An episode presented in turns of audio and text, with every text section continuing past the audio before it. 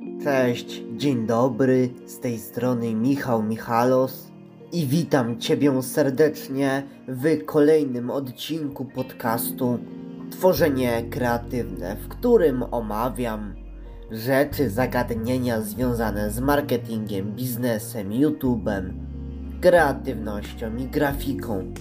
Dzisiejszy odcinek podcastu będzie pierwszym z dwóch bardzo nietypowych odcinków ze względu na to, że nie będę omawiał jak zwykle to mam w zasadzie czynić technicznych zagadnień związanych z YouTube'em czy marketingiem, lecz porozmawiamy o tym, co na naszą niekorzyść zdziałał polski rząd, a dokładnie instytucja taka jak Instytut Sztuki Filmowej. Chodzi mi oczywiście o nowy podatek, który został nałożony na osoby, które publikują na przykład w social mediach swoje treści w postaci wideo i zarabiają na tym.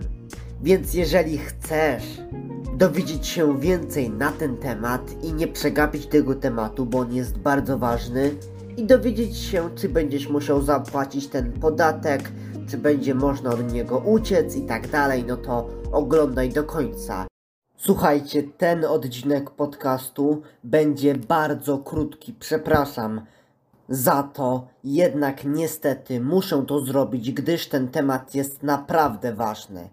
No to więc ja nie przedłużam i lecimy do sedna.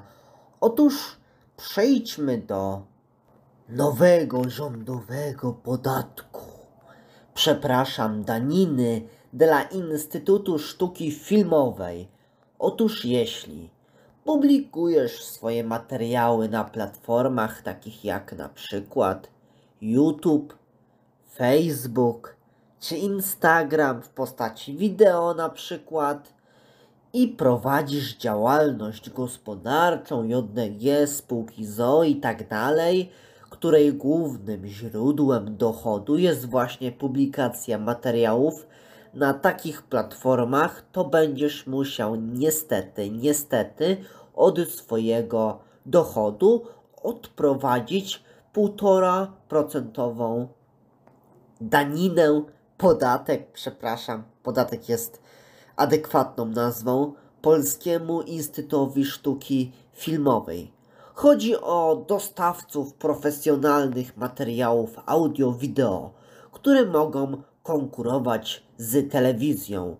Co ciekawe, ta ustawa wyłącza zaś z obowiązku mikroprzedsiębiorców i twórców o widowni mniejszej niż 1% internautów.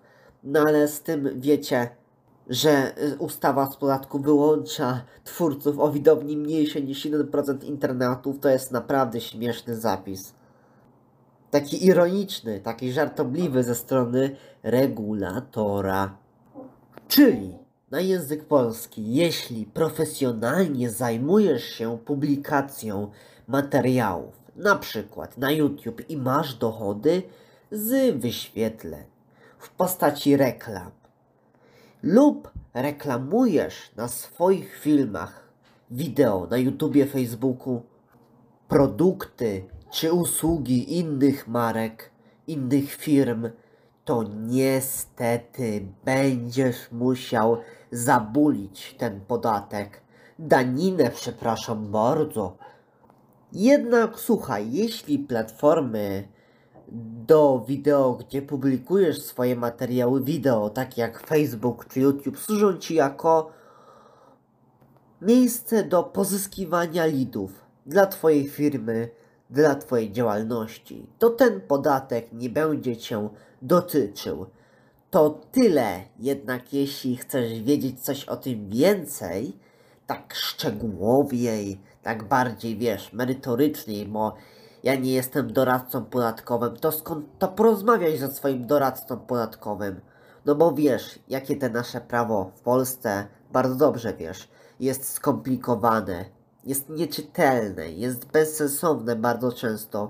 W wielu miejscach się mocno wyklucza punkt A, wyklucza się z punktem B na przykład, więc jest to tak powiem bałagan, burdel polskim prawie, więc dlatego warto skorzystać w tym temacie z usług doradcy podatkowego, aby po prostu dowiedzieć się, czy będzie trzeba to zapłacić, moim zdaniem, i jak to optymalnie zapłacić, jeśli będziesz musiał, tak? Bo może doradca podatkowy znalazł jakąś lukę, aby generalnie ominąć ten podatek. Nawet w większości. Podatek ten będzie wynosił, jak mówiłem wcześniej, 1,5%, 1,5%. No i żeby, co ciekawe, w ogóle móc zapłacić tę daninę, trzeba było się zgłosić o wpis do wykazów dla dostawców WSP i VOD. Do 1 lutego upłynął termin. Do 1 lutego był czas na zrobienie tej czynności. A dlaczego ja nagrywam to na przykład 26 lutego, a wy zobaczycie to 27 w niedzielę? A z prostej przyczyny, że nie do końca wiedzieliśmy, czy coś się zmieni, czy nie, no bo wiecie, totalny chaos jest, szczególnie też widzimy ostatnie efekty Polskiego Ładu. Jeden wielki chaos. Słuchajcie, to by było na tyle. Mam nadzieję, że ten odcinek, taki szybki, informacyjny, pomoże Wam. No bo urzędnicy z Polskiego Instytutu Sztuki Filmowej oczywiście będą robić kontrolę. No, jak żeby inaczej, bo można później kary dawać za nieposłuszeństwo wobec sprawidłowego, sprawiedliwie społecznego prawa. Dlaczego nie chcesz wspierać polskiej kultury i tak dalej. Oczywiście, jak jesteś nowym dostawcą, w sensie no, jesteś nową firmą z tej branży i na przykład jutro się otwierasz, to wiadomo, że generalnie masz, tak to powiem, termin, który ci nie upłynął, ale musisz się zgłosić do tej instytucji, do tego wpisu. W jutrzejszym odcinku podcastu w poniedziałek, który się ukaże o 18-19, śledź moje social media, opowiem o przyszłości YouTube'a prawnej i technologicznej. No dobra, to ja kończę. Dzięki, że oglądałeś do końca. Bardzo Ci dziękuję.